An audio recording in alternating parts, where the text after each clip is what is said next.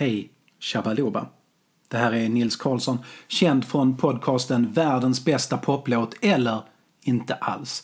Som tänkte bjuda på en lättsam podcast där vi tillsammans lyssnar igenom rockbandspopgruppen Kiss samlade studioskivsläpp. Jag trodde inte det skulle bli en existentiell resa som leder till att jag kommer betvivla själva kärnan av min egen identitet och roll i det oändliga universum, men så blev det ändå.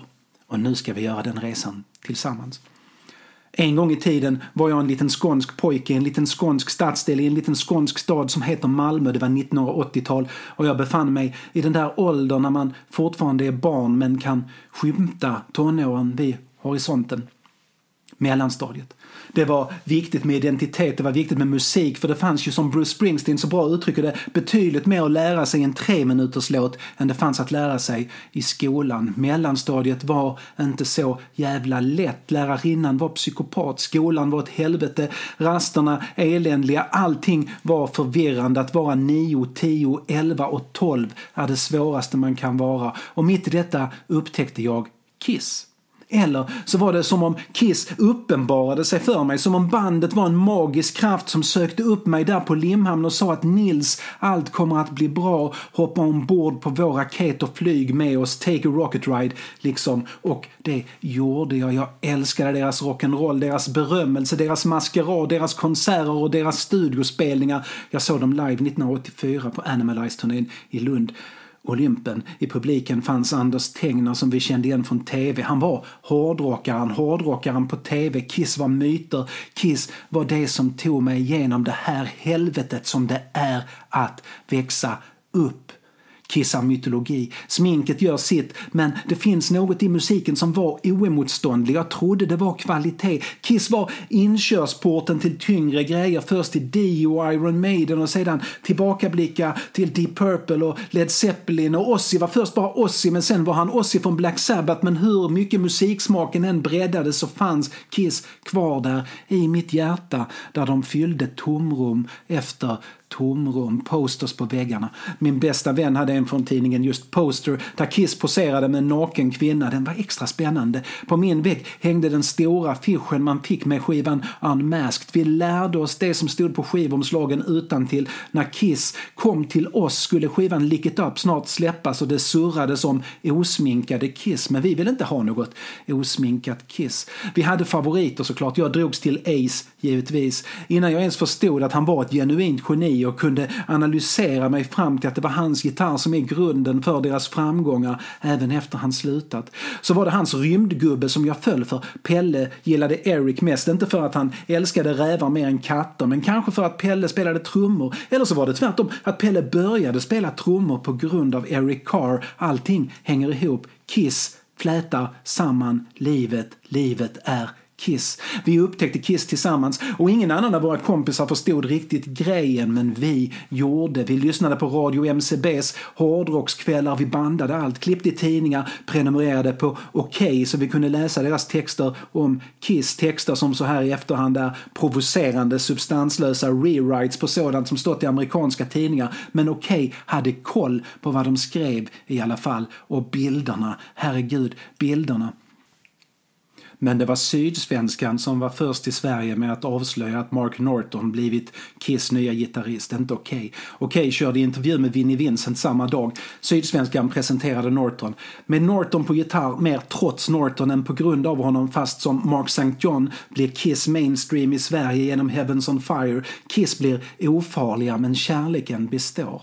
Vi var några barn som tjuvkikade genom fönstret till Olympen i Lund när de soundcheckade. Sju, åtta pojkar i tioårsåldern. Från scenen får Gene Simmons, demonen, mannen med tungan, basisten som spottar blod och sprutar eldsyn på oss och han ler och vinkar och försöker säga hej på svenska. Och den mannen, vad han än säger om att han är så smart och kalkylerad, lyckades på någon sekund förmedla allt som behövde sägas om drömmar och om musik. Bruce Kulick, ytterligare en gitarrist och lärare sig namnet på, ställer sig bredvid honom och vinkar också. Kulik har ersatt Mark St. John som blivit sjukskriven och sedan avskedad.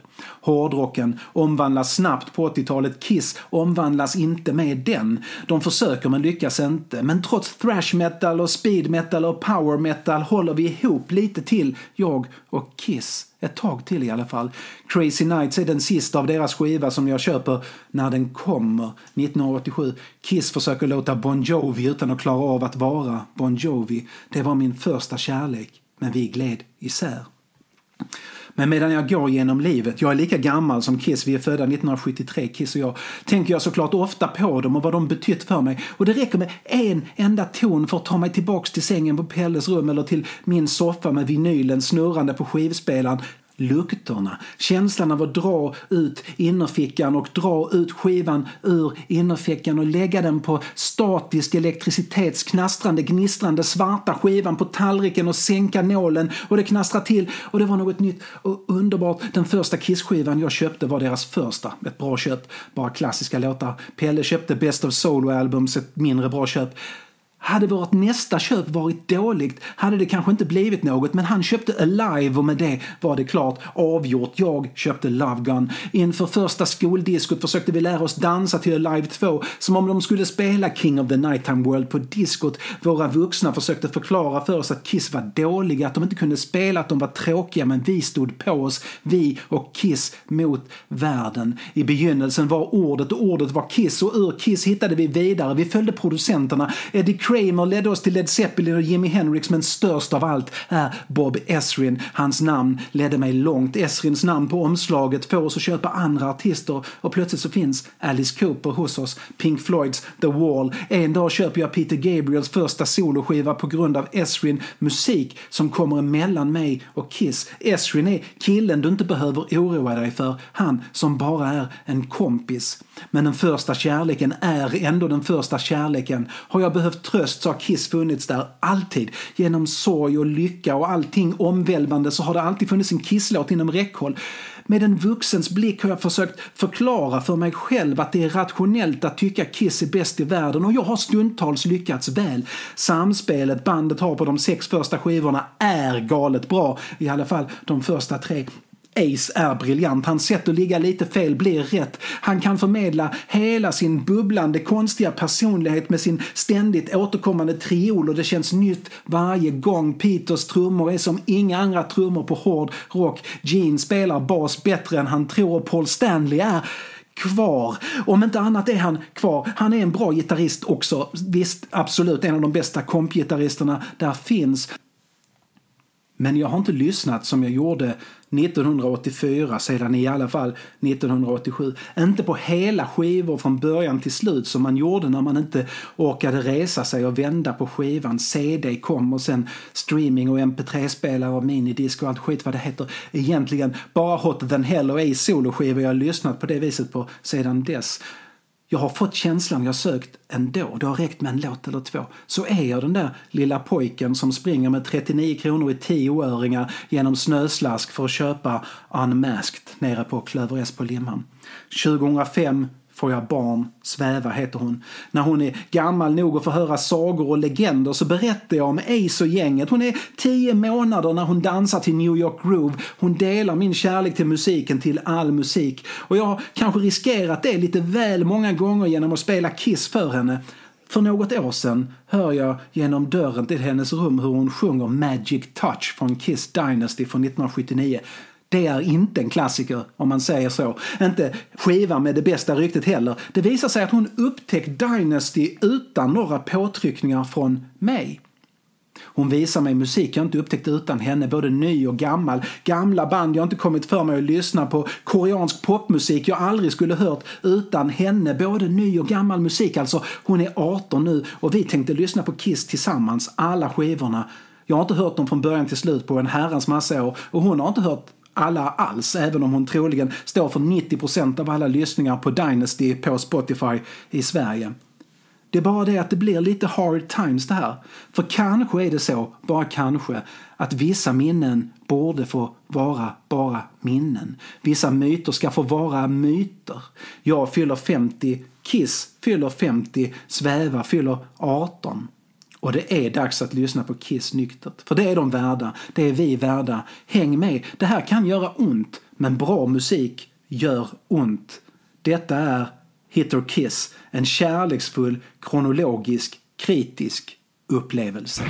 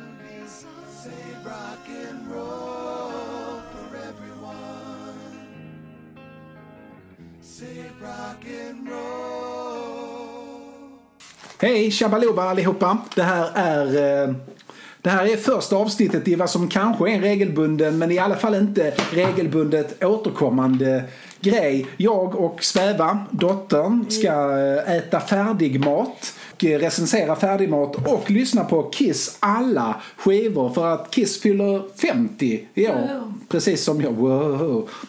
Jag upptäckte Kiss när jag var 10 år och, eh, eller nio nästan. De revolutionerade hela min värld för att de var så himla tuffa och coola och hade smink på sig och var satan och Sivert Öholm debatterade dem på Sveriges Television om att oh, de tar över världen med sin satanism.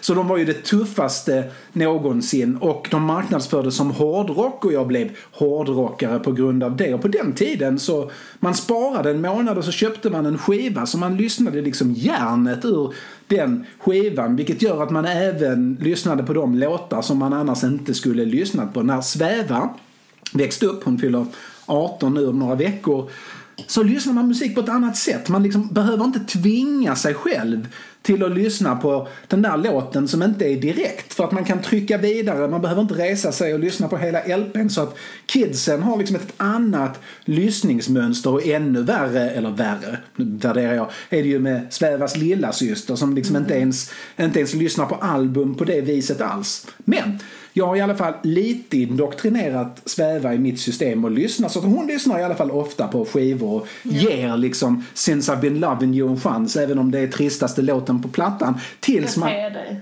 Bete mig? Ja, jag älskar den låten. Gnissel, gnissel på bastrum. Ja, ja, så eh, hur som helst. Eh, Lite har jag fått sväva och lyssna på Kiss också men hon tillhör de underliga ovanliga som fastnat för Dynasty just. Så vi går igenom Kiss från början. Hon är ingen fan och jag har liksom inte lyssnat på skivorna strukturerat. De fyller 50. Jag är ju ett fan av Ace. Ja, jag har alltid varit ett fan av Ace. Ett fan av Ace är jag ju, men resten det betyder mm. ju ingenting. Varför är du ett fan av Ace? För att du har sagt till mig att jag ska vara det. Du ser. Jag vill hävda att Ace var en enastående briljant gitarrist och att hans gitarrspel var det som gjorde bandet. Så, eh, nu ska jag hitta skivan och så ska vi lyssna på den. Det här är 1974. Kiss har gått in i studion. De har tydligen 12 eller 13 dagar på sig att spela in hela skivan. Så det är inte sån där superstressad. Deras favoritproducent eh, Eddie Kramer kunde inte komma. Eller var han för dyr så de tar några andra. Ni kan googla det. Eh, och de, Kiss själva påstår att de här fångar liksom inte energin i bandet. Men jag tycker faktiskt att produktionen på den här första skivan är lysande. Vi börjar med omslaget. Ser du hur coola de är de här ja. 21 och 22-åringarna? Så balla. Ace eh, tittar ut i fjärran. Gene räcker inte ut sin tunga.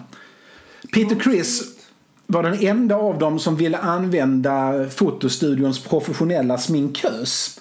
Eh, och berättade bara jag ser ut som en katt. Så att han ser helt sjuk ut. Han har aldrig sett ut så här annars. Eh, skivan inleds med Strutter och nu lyssnar vi på Strutter. Som också var med på deras demo. Här är den förkortad från 4 minuter och 50 sekunder till 3 minuter och 12. Och vi hör nu.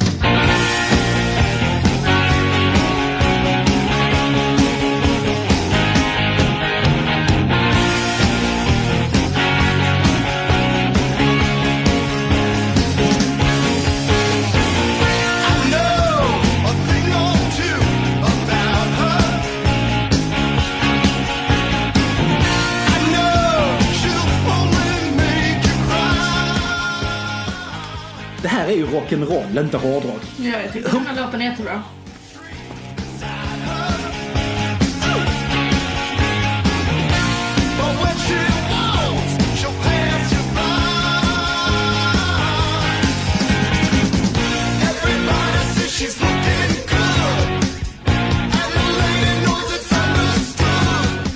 Stämmorna var lite obehagliga. Alltså de hade ju inte spelat ihop så länge. Så de har, inte, de har liksom inte suttit och stämmat loss sådär. Men, eh,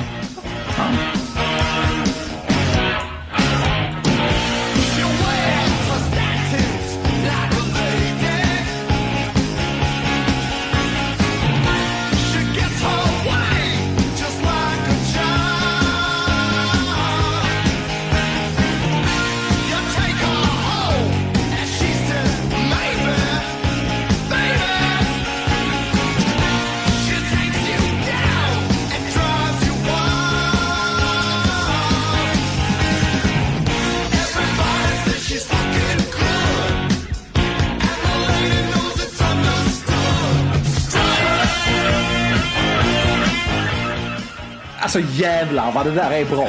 Ja. Ace är mycket så, framförallt senare i karriären, att han gör det här hela tiden. Men det här är snyggt alltså. Simpliciteten är väldigt charmig.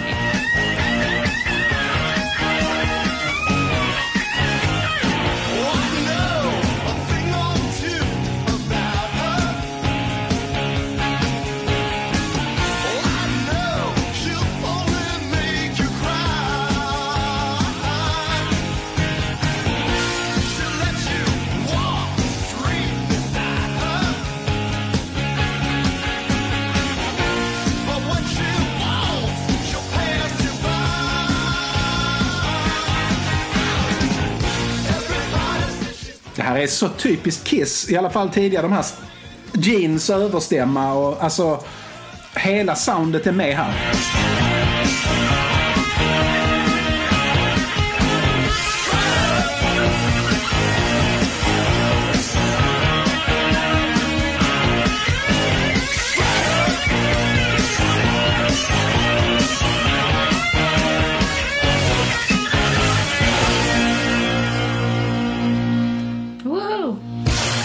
Ja, men det är, Så bra det var! Visst är det bra? Ja. Alltså det är inte helt, alltså de är inte, de det här är New York. Eh, 1974 och 73 när de skrev det här, då var ju liksom den brittiska rocken och hårdrocken var ju mil framför detta. Så här kommer de, de lyssnar på Led Zeppelin, de lyssnar på Purple, de lyssnar på Slade, de här killarna. Det här kan ju inte konkurrera, det här är ju ganska tamt. Men så var stad, st- så var den amerikanska rocken då. Men det är en snygg inledning och den har liksom hela Kiss-paketet. Men att man skulle kalla det hårdrock vet jag inte. En av få låtar i deras karriär som är skriven av både Simmons och Stanley. De, de, de blev inte de där Lennon McCartney riktigt. Men Nej. allt är med. Nu går vi vidare. Den här handlade om, eh, om att Paul Stanley inte kan få brudar. Utan de bara struttar förbi liksom. Uppenbart skriven innan de slog igenom. Vi går vidare till Nothing to lose. Nothing to lose är en av de låtarna som väl räknas som Kiss-klassiker. För den var med på deras live-skiva eh, Alive som var deras genombrott. Men jag tycker det är synd om de låtar som inte är med på den. Nothing to lose i alla fall. Första renodlade Gene-låten även om Peter Criss sjunger refrängen på den. Men alltså, det här är alltså en låt om något så trevligt som tjatsex. Så vi har med texten här också. Nice.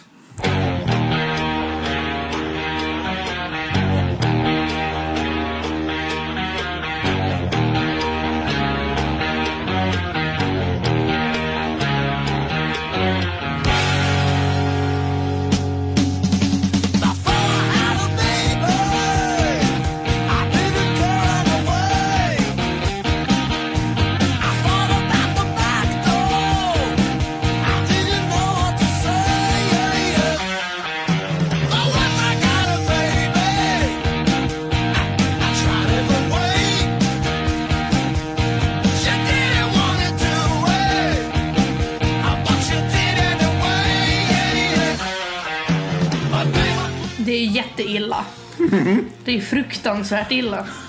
Men det är okej.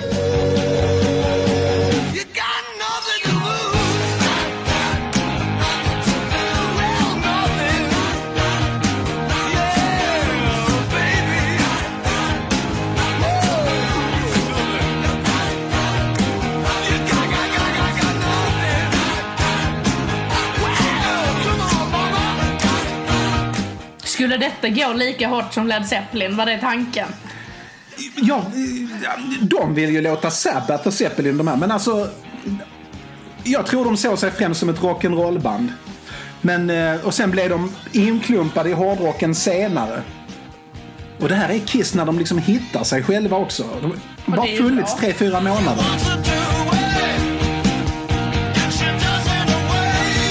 Det var ju bra. Mm, hon har ändrat sig. Jag tror det är Peter Criss, eh, inte alls självgoda You got nothing to lose-refräng som... You got nothing to lose.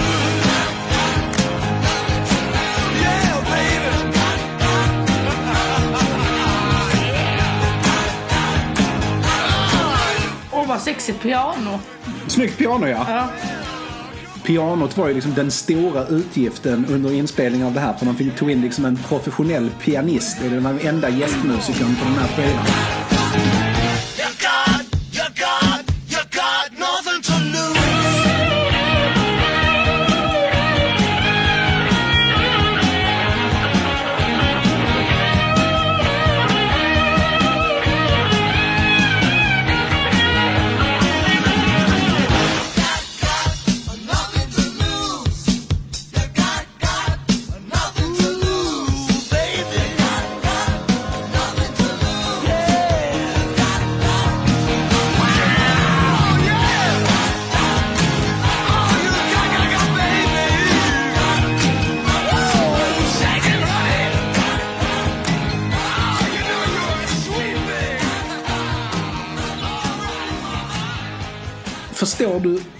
Blev stora eller är det bara att de, de låter lite... Ja, det här är, det är typ ett barband som vilket som helst. Jag tycker det är jättebra.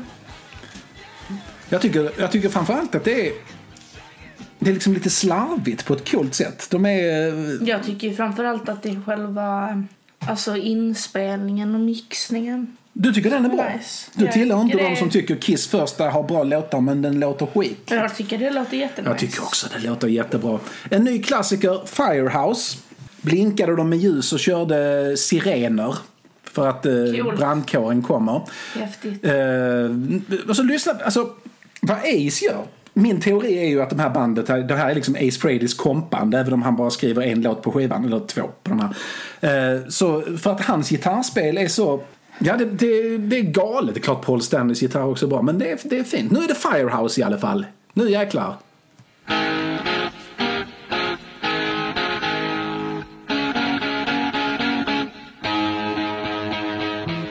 Jag har med texterna för te- deras texter är så sanslöst dåliga.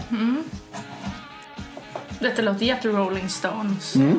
Ja, det gör det. Det här är Rolling Stones. Ja.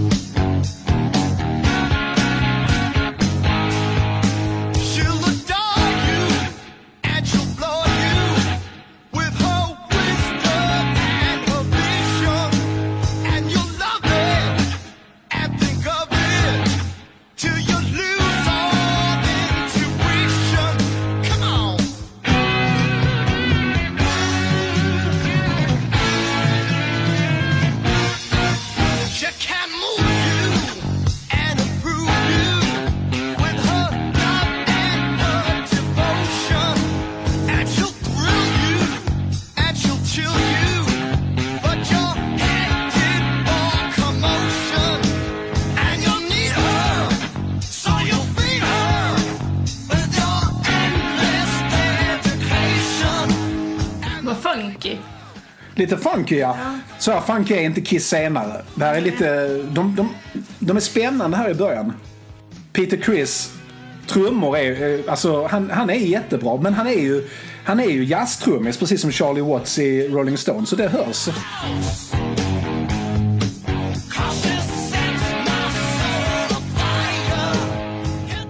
Det händer så mycket hela tiden. De är all over the place ja. Ja. Man får liksom nästan känslan av att de tror att de bara har en skiva att spela in så de Ja. måste ge allt. Hur är det inte Strutter-refräng? Eller den bryggan? Har de stulit av sig själva? Ja, ja faktiskt det var fan Strutter. Det var samma som Strutter. Strutter. Lite ovanligt solo med de dämpade strängarna här. Ja.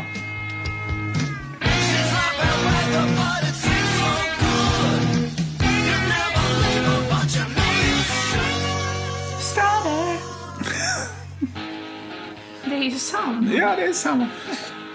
Bete sig.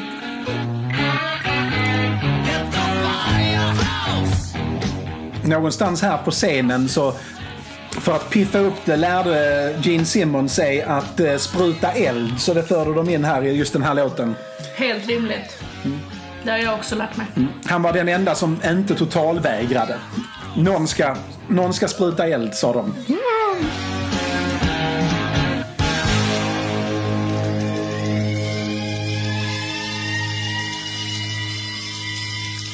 Nu kommer brandkåren.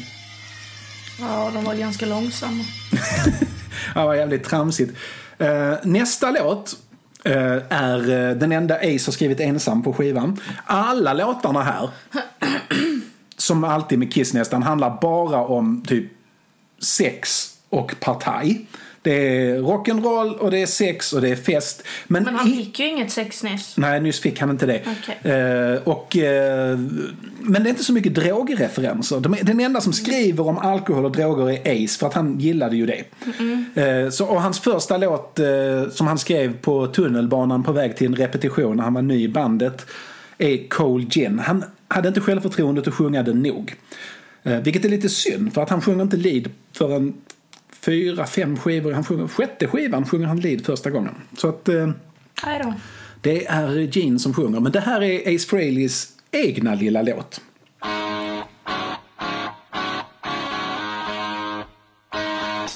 Det låter ju exakt som något. Låter det exakt som något? Eller så låter något som denna.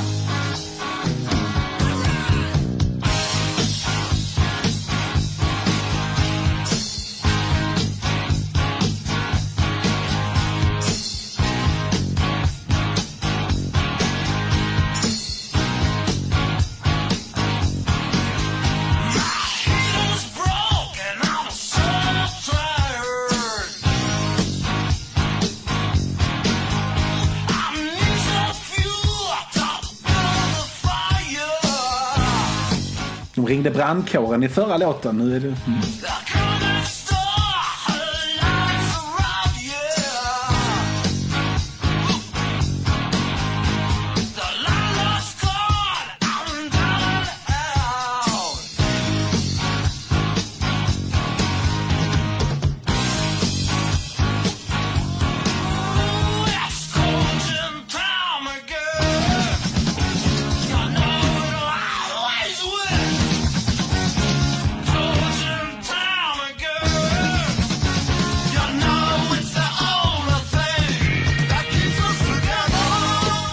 Som att det eventuellt kan bildas problem. Alltså hans förhållande till alkohol. Ja, kan man säga. Det finns varningsflaggor. Om det enda som håller samman en relation är alkoholen. Liksom, Det så, är ju jätteilla. ja. Om man 21-åring har det här förhållandet med alkohol så har man liksom en svår väg framför sig möjligen. Ja.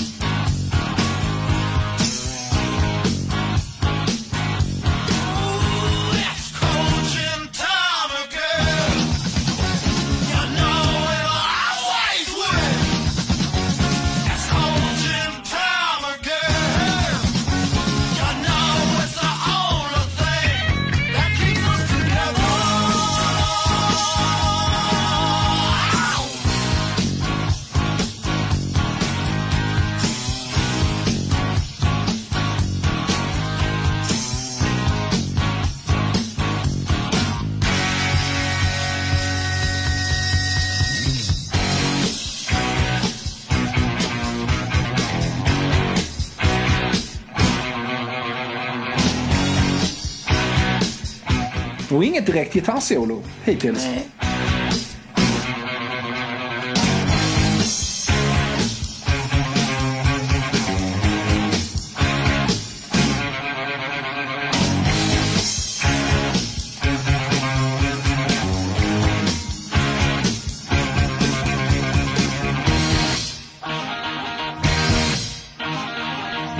Det var ganska snyggt. Ja, Det låter ju Zeppelin som fan. visst gör det. Ace var ju den... Alltså han, han, han satt ju och plankade Page hela vägen. Alltså Ja. även innan Page var med i Zeppelin så var han ju Ace förebild. Han och Hendrix. Men. It's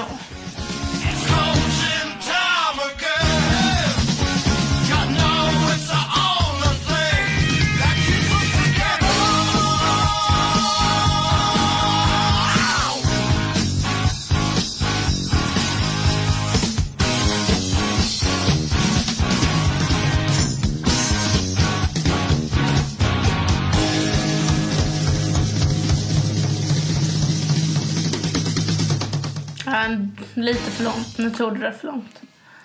Det var onödigt. Ja, alltså den låten den litar väldigt mycket på det där bärande riffet. Mm. Så eh, ja, jag tyckte nog den var lite tråkig den här gången. Jag vet inte, jag brukar älska den men det kanske... Alltså jag hade ju, om jag hade satt på den och lyssnat på den hade jag ju bytt efter halva. Och det är, Det är enformigt och tråkigt. Det är ju inte ett bra tecken så. Nej, det är men, ju inte det. Men de första låtarna har ju varit ganska mer direkta. Ja, de hade jag på det viset. på. Alla de fyra första är såna här regelrätta Kiss-klassiker. För det som avgör det är om man kom med på liveskivan Alive eller inte. det är kul. Ja, är... ja, då fick de till det. Eh, och det. Och det är lite synd, för de låtar som de gjorde från sina tre första skivor som inte kom med på den, de, de, har liksom, de föll liksom i glömska, vilket är, är trist för att eh, många av de mer experimentella, lite märkliga, sökande låtarna från deras första skivor är riktigt, riktigt bra. Och vad hade hänt om till exempel då femte låten, sista låten på första sidan, på den sidan man hade LP-sidor, hade blivit en hit istället för att de fick ingen hit som, de, som gällde från det här. Om det här hade blivit en hit, hur hade Kiss utvecklats då? Det här är Let Me Know. En, eh, en liten doldis. Mm.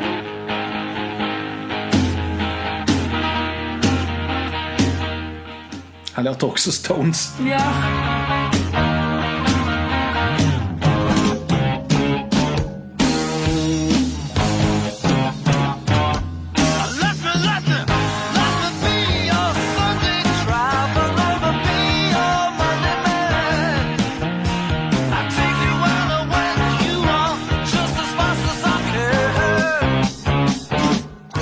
Alltså jag tycker ju att allt låter ganska snarlikt varandra.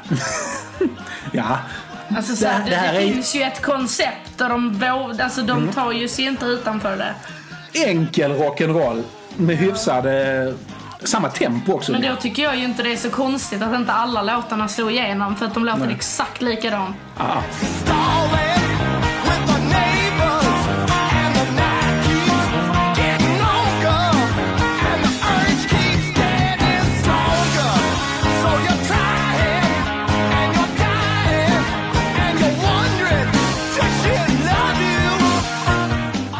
You? Fraseringen är väldigt häftig.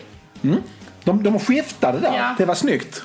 Jo, det är Kiss jätteroliga med att de ibland hamnar medvetet liksom osynk med sig själva. Då blir det bra.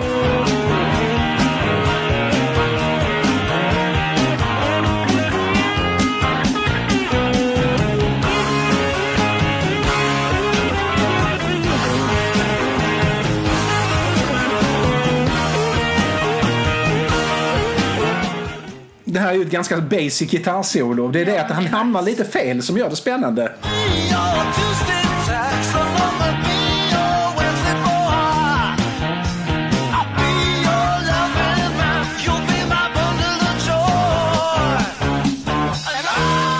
Jag är såklart övertygad om att The Cure tog hela konceptet Friday I'm in Love från den här.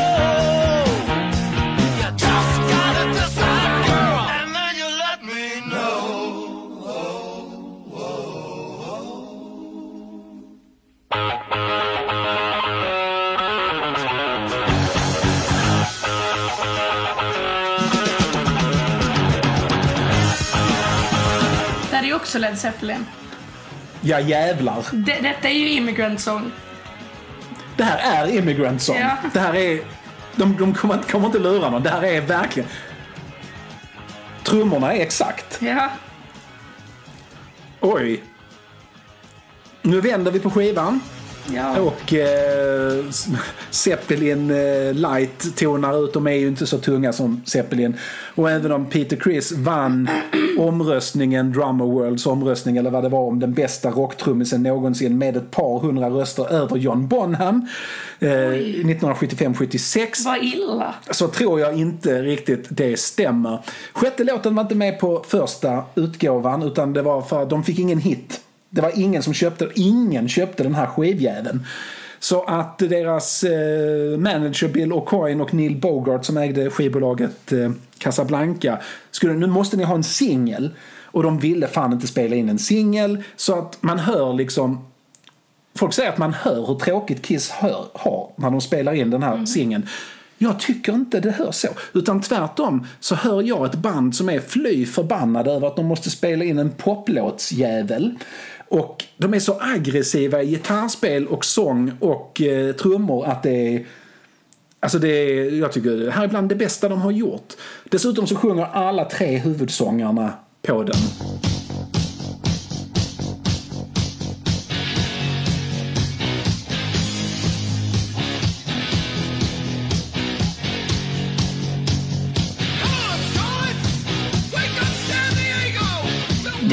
Beatles. Är det Beatles? Det är ju eh, The End. Eller den... Eh, Ja, dun, dun. det är det. Jag bara debunkar hela deras diskografi.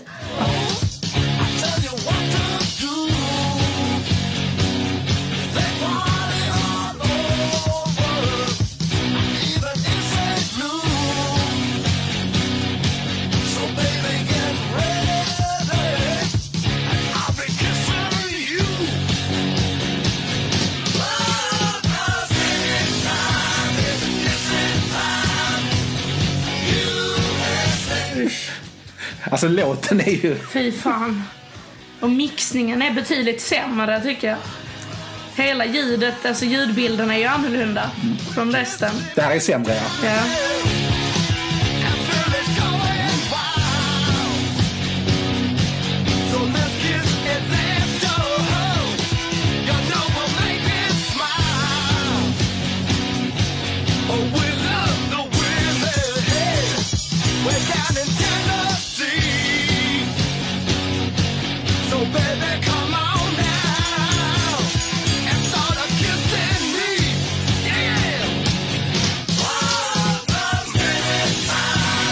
Fy fan, vilken text. Vilken text. Vilken text. Ja, det är värdelöst. Det här är ju inte Kiss, det är en gammal Bobby Rydell-låt. Det här är ju inte Kiss som har skrivit denna. Hur det?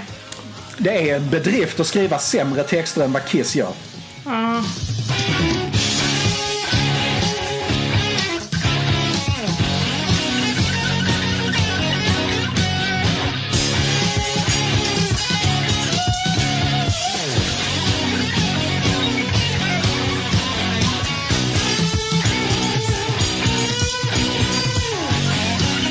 Ganska, ganska trist Ace-solo också. Fast på något sätt är det ju mer skickligt. Och liksom mer så här. det här är ett bra solo än de andra. Så kanske det är. Ja. Men det lät ju betydligt tråkigare. Alltså Ace är ju bra när han är lite kass, när han inte bryr sig.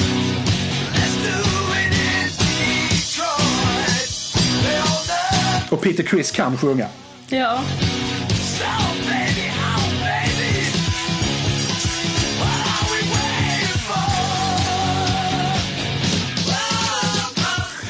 Djup suck.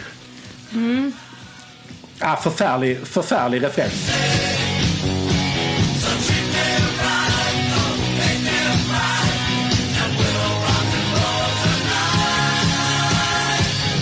Det är väldigt tydligt att managern då, Bill O'Coin, har bara tänkt vi måste ta en låt som handlar om Kiss. Vad har vi om att Kiss? Och de lanserar den här tillsammans med någon sån här kysstävling. Den som kysstes längst skulle vinna en bil. Så Herregud. skulle Kiss uppträda i finalen. Är märkligt.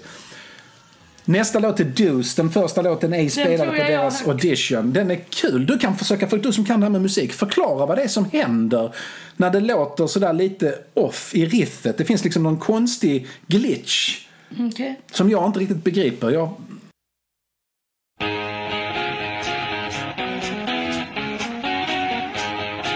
Den här texten är helt obegriplig men ändå bättre än förra.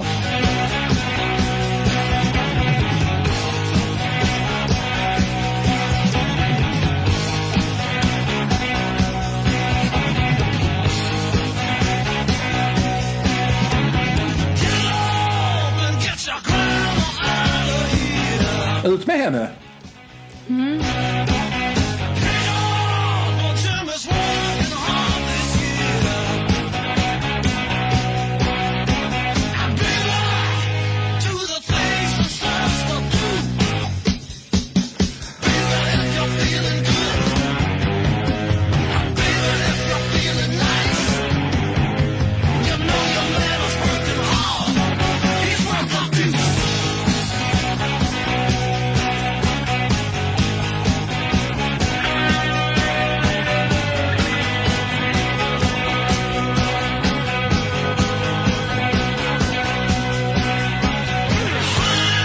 precis solo där var två toner och lite feedback men ändå... Oj.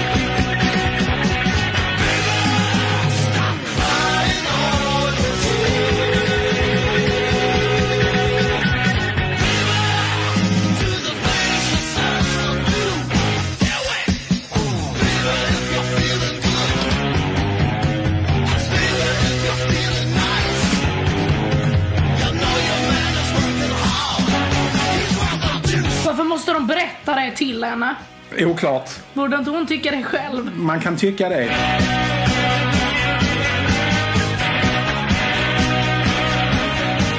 Den här och Strutter är nog de mest kissiga kisslåtarna. Den har allt liksom.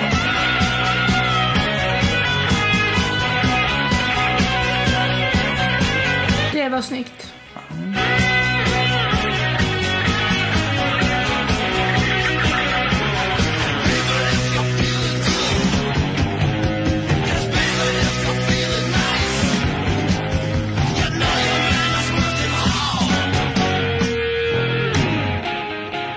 Är ju samma riff som Strutter också. Alltså allting är Ja, alltid likadant. rock'n'roll-riffet.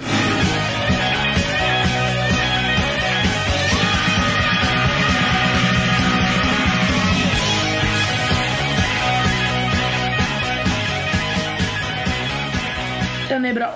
Alltså vi, vi måste bara bygga ett tillbe mollpentans Ace-tempel. Han gör alltså, och, och, de här triolerna, alltså det är så jävla snyggt. Ja. Nu lämnar vi klassikerna i här alltså Dussin klassiker. Här, nästa låt, som de, den är egentligen en liten bit ur en större låt som de spelade innan som heter Acrobat. Men det här, den här kallar de Love Theme from Kiss. För att eh, balladen från filmen The Godfather Love Theme from The Godfather hade blivit en, en hit. Så att på de, de vill liksom casha in på Gudfadern-pengarna här. Och, Lyckades de? Nej. Nej. Eh, och, eh, och det här är den, alltså den här låten, jag tycker det är jättebra i all sin underlighet. Eh, men den hade inte kunnat funka på någon annan Kiss-skiva. För när bandet väl har bestämt sig för vad de är så hade det här inte gått. Det här är funkigt, det är bas som är bizarr. Det är helt, någon borde sagt till dem, det här kan ni inte göra grabbar. Det här är Love Theme from Kiss.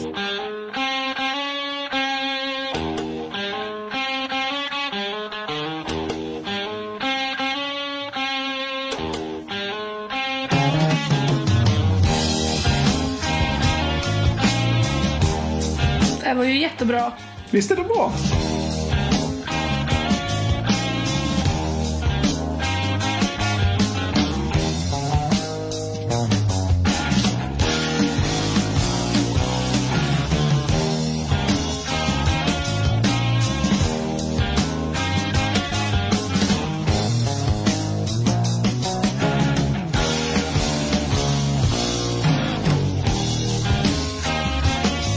Sen är ju frågan vad de vill med den här. Det är lite proggigt, funkigt, udda.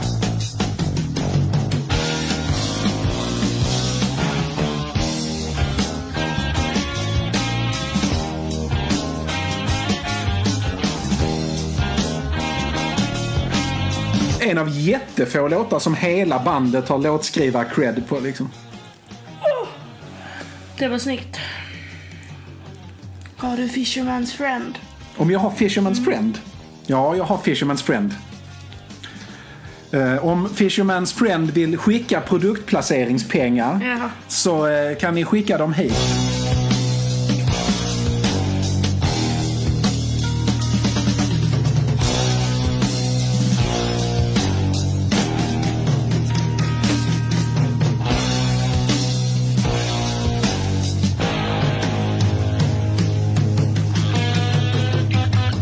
Ett solo?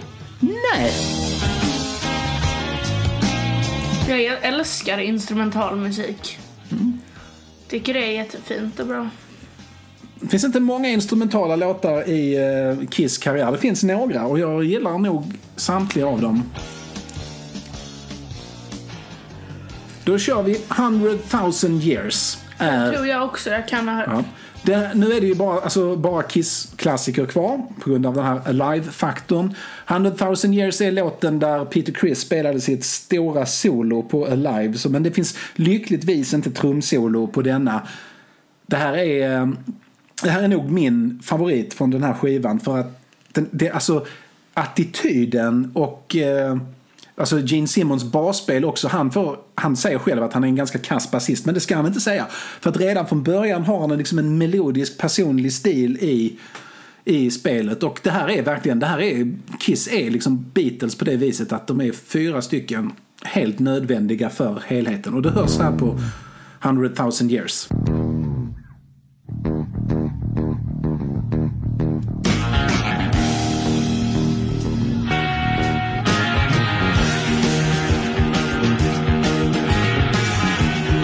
Ju lite Sabbath. Vad, tänker du på då? Basen. Okej. Ja. Den är så Ja. liksom central.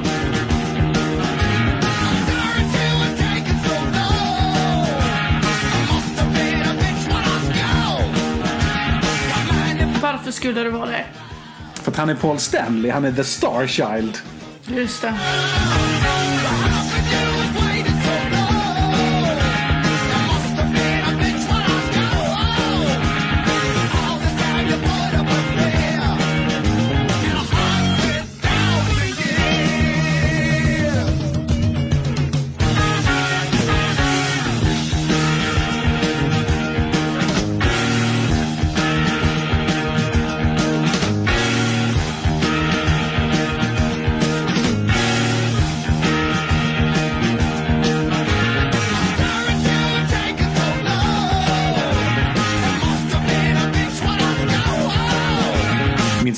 Samma vers igen.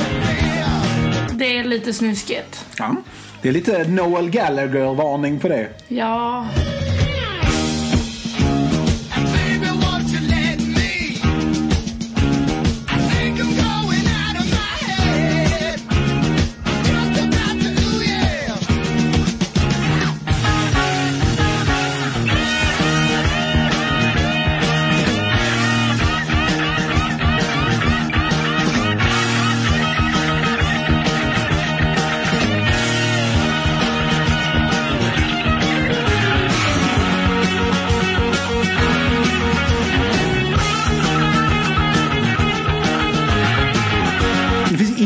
gitarrist. Alltså man, det här kan inte vara någon annan än Ace.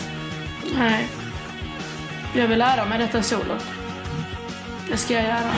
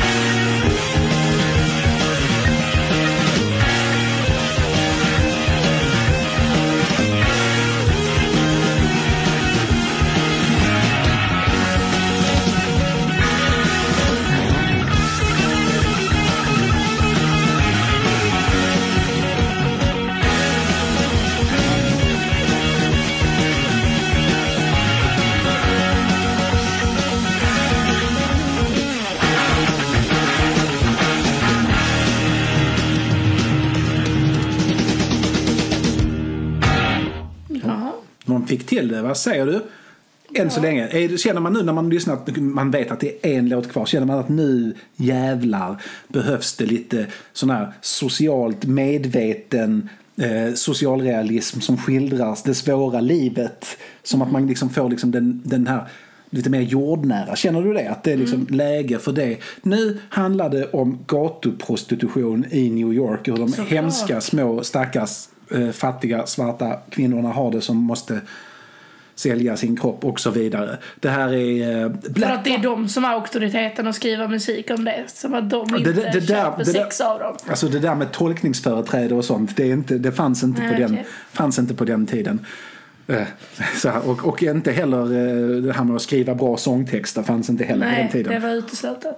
Eh, Alltså i, i, i en intervju, en tidig intervju så säger Paul Stanley på allvar att han, han ville liksom skriva en Bob Dylansk text. Åh herregud. Och- det bådar inte gott. Och det, det gjorde han inte kan jag säga. Men som avslutning på deras första skiva i alla fall, här är Black Diamond. Och det är det värsta jag hört.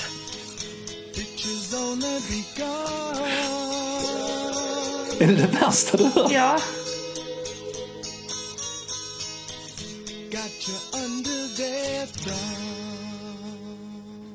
ingen låt mår bra av ett sånt intro.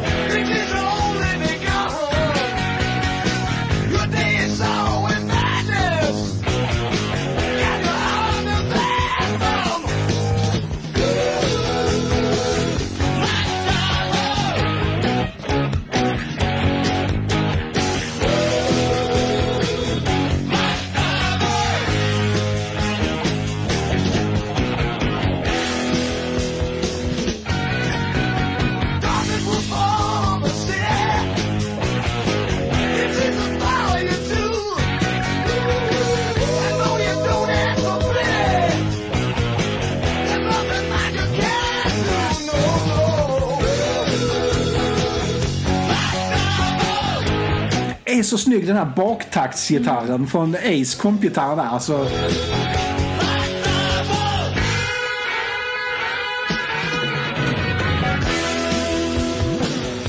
Nu är det ju samma text igen. ja. Alltså, om du har nått textperfektion en gång, varför sabba det med att skriva en ny text? Fast det har han ju inte gjort. Det är ju inte perfektion. Nej, Överhuvudtaget. ja, det är okej. on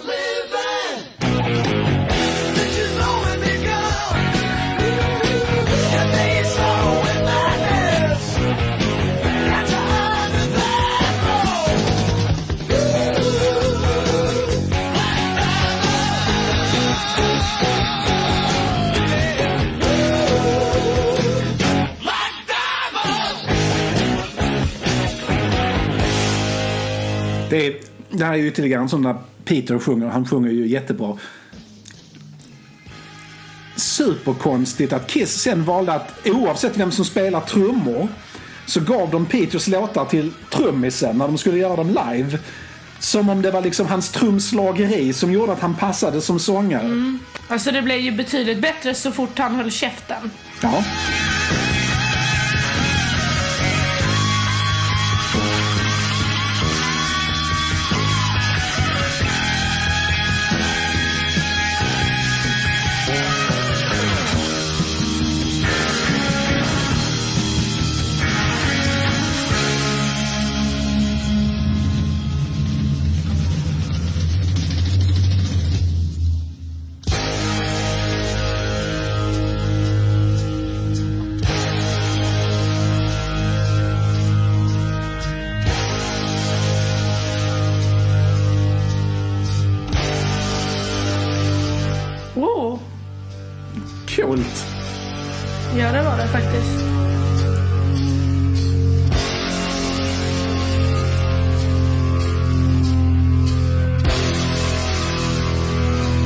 Jättehäftigt. När de downtunar och sådär. Ja. Ja.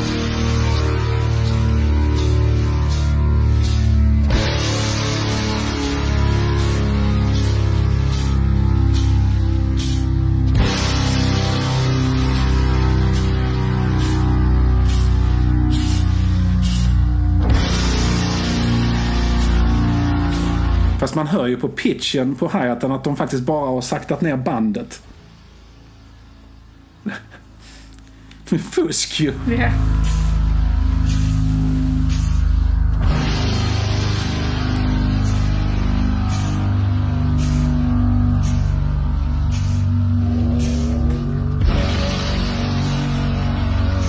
Det var ju snyggt men jag ser ju ingen mening med det. Nej. Vad är poängen? Kom på ett slut gubbar istället.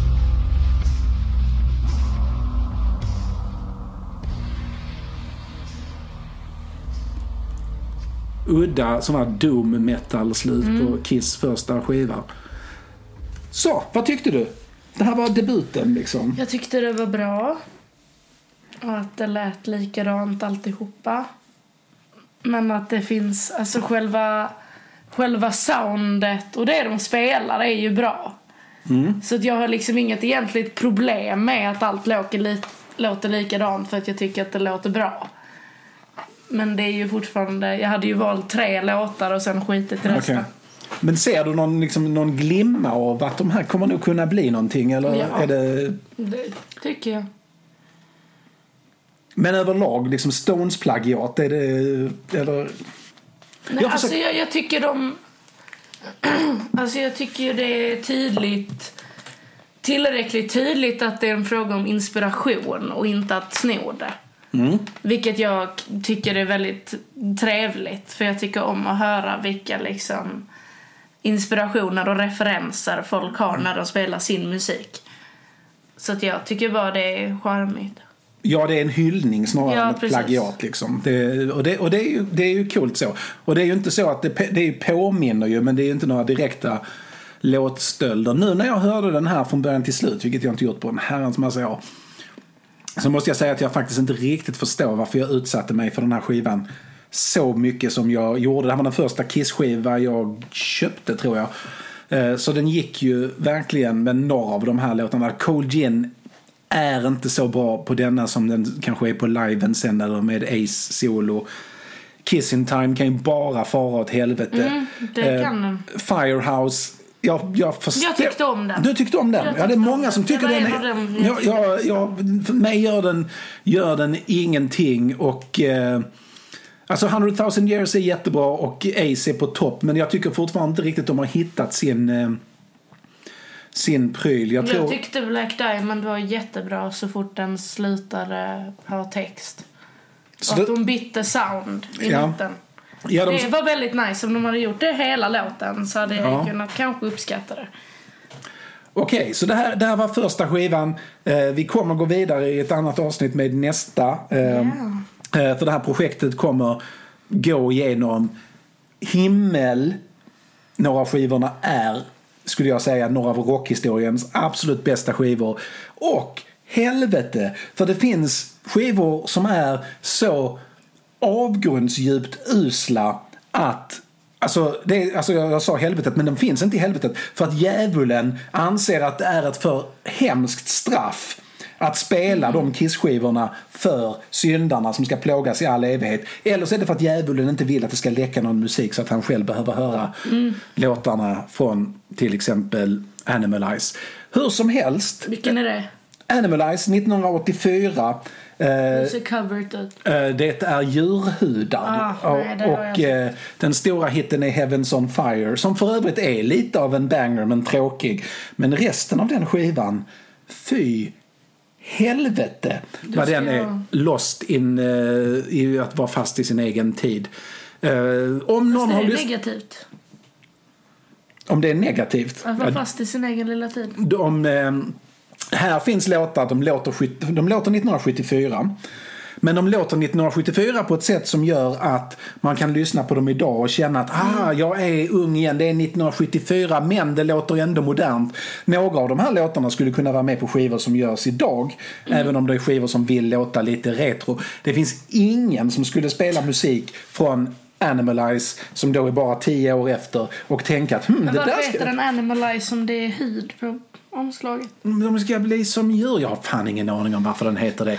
Den är i alla fall hyfsat kass. Tack de stackare som har lyssnat på detta. Låtarna kommer i en spellista efteråt om ni vill höra dem utan vårt skitsnack. Varför ni nu skulle vilja göra det. Och eh, hej hej, nästa gång blir det Hotter than hell.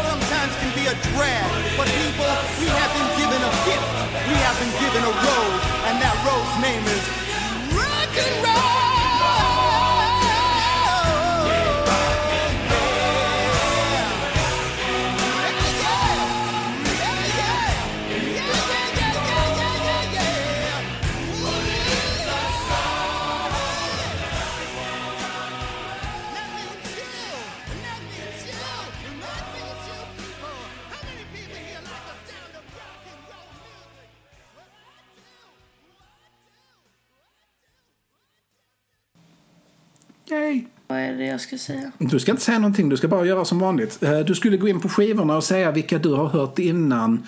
Album i fokus är det ju inte. Var hittar man alla skivalbum? Så man stänger sångtexterna och det gör man ju jävligt rätt i på grund av att det är Kiss. Oj, nej! Nej. Ja, inte Carnival of Souls för helvete. Här har du dem från början till slut. Den har jag lyssnat på. Mm, den lyssnar Nu. vi på. Nu lyssnar vi på Kiss 1974. Den har jag inte lyssnat på. Har Det var här? jättefult omslag. Tycker du det? Jag, Ah, klassisk photoshoot. Ace krockade med bilen eh, timmarna innan. Så att de har liksom klippt, hans ena ansiktshalva kunde inte fotograferas. Han har sminkat hälften och så har de spegelvänt.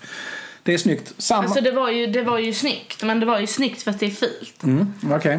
Eh, Dress to kill har jag inte lyssnat på. nej, där är ju ett och ett halvt år mellan de första tre skivorna bara. Eh, Destroyer har jag lyssnat på. Den är speciell. Den har jag inte lyssnat på. Rock and roll over. Fattar du? Rock and roll, men roll over. Det är en ordvits. Om man kan snurra skivan så står det Kiss på alla håll och kanter. Den är inte en av mina favoriter, men många har den som sin absoluta favorit-Kiss-skiva. Love Gun har jag inte lyssnat på. Nähä, nej. Dynasty har jag lyssnat på. Dynasty har du lyssnat på, ja. Den är bra alltså. Den är riktigt, riktigt bra. Men soundet på Dynasty är ju totalt olika jämfört med soundet på det vi precis lyssnade på. Ja. Unmasked har jag inte lyssnat på. Nej. Musik från The Elder hade ett jättetöntigt skivomslag. Ja, den har jättetöntigt skivomslag. Det är många som tycker det är en jättetöntig skiva också. Ja, det är det. Eh, Men, och det är den första skivan utan Peter Criss som officiell medlem i bandet. Så Eric Carr. Creatures of the Night har jag lyssnat på. Hela skivan? Okej, vad tycker du? Mm, den är okej. Nej. Ingen Ace Frehley på den trots att han är med på omslaget. Han hade slutat där. Sorry. Lick It Up har jag inte lyssnat på. Animalize har jag inte lyssnat på. Där kom den. Men den. Och den är ändå inte deras sämsta. För deras sämsta kommer snart. Dock inte direkt. Asylum har jag inte lyssnat på. Nej, Crazy Nights har jag inte lyssnat på. Nej det ska du vara tämligen glad för. Därför så på Crazy Nights försöker de bli glammig eh, keyboard-pop som eh, Van Halen ungefär. Liksom. Det lyckas inte. Fantastiskt. Hot in the Shade har jag inte lyssnat på. Den skivan kan faktiskt fara åt helvete för den suger så mycket åsna att det knappt är sant. Eh, Men visst, den har deras största hit efter Beth på sig. Alltså försäljningsmässigt singelhit. Vilken? Eh, Forever heter den. Det är inget du har hört för att eh, världen har varit snäll mot dig. Men eh, snart så kommer det, för när vi kommer till den. Revenge har jag hört en låt från. Den är... eh, Alltså, precis, den är bra. De stämmorna i den låten är Snyggt, ganska fina. mycket snyggt. Carnival of Souls lyssnade vi på. Ja, Och den var jättebra tyckte jag. Ja kul. Jag tyckte genuint den var jättebra. Jag har inte lyssnat på låtar från den sen vi satt och lyssnade så jag ser fram emot att komma till den. Psycho Circus. Återföreningsskivan. Inte lyssnat på. Sonic Boom. Inte lyssnat på. Det är med fake Ace nu på eh, allvar liksom. Monster. Inte lyssnat på. Nej, det är de. Sen så finns det ju andra som är som innehåller nytt material men som inte är eh, De har man ju lyssnat på. soloskivorna. Den och den har jag lyssnat på. Peter Criss och Ace Ace, Frehley. ja. Vi ska ju lyssna på dem också i den ordning de... eh, Jag tycker de, de omslagen är så jävla snygga. Det tycker jag också. Jag tycker de är riktigt snygga. Jag vill ha en tröja med is på. Och sen har vi ju en halv ny LP-skiva på eh, Live 2 med nya studiolåtar vi ska lyssna på. Och eh, nya låtar på samlingsskivan Killers också. Eller om den heter Killer, jag kommer fan inte ihåg. Det spelar ingen så stor roll vad den heter. Vi ska inte plåga oss igenom live-skivorna. Eh, än. Eh, och, eh, så. Men det, var, eh, det är vad vi har att se fram emot. Och omslagen, när man handlade de här skivorna så gick man ju på omslagen. Ja, det vinner de mycket på.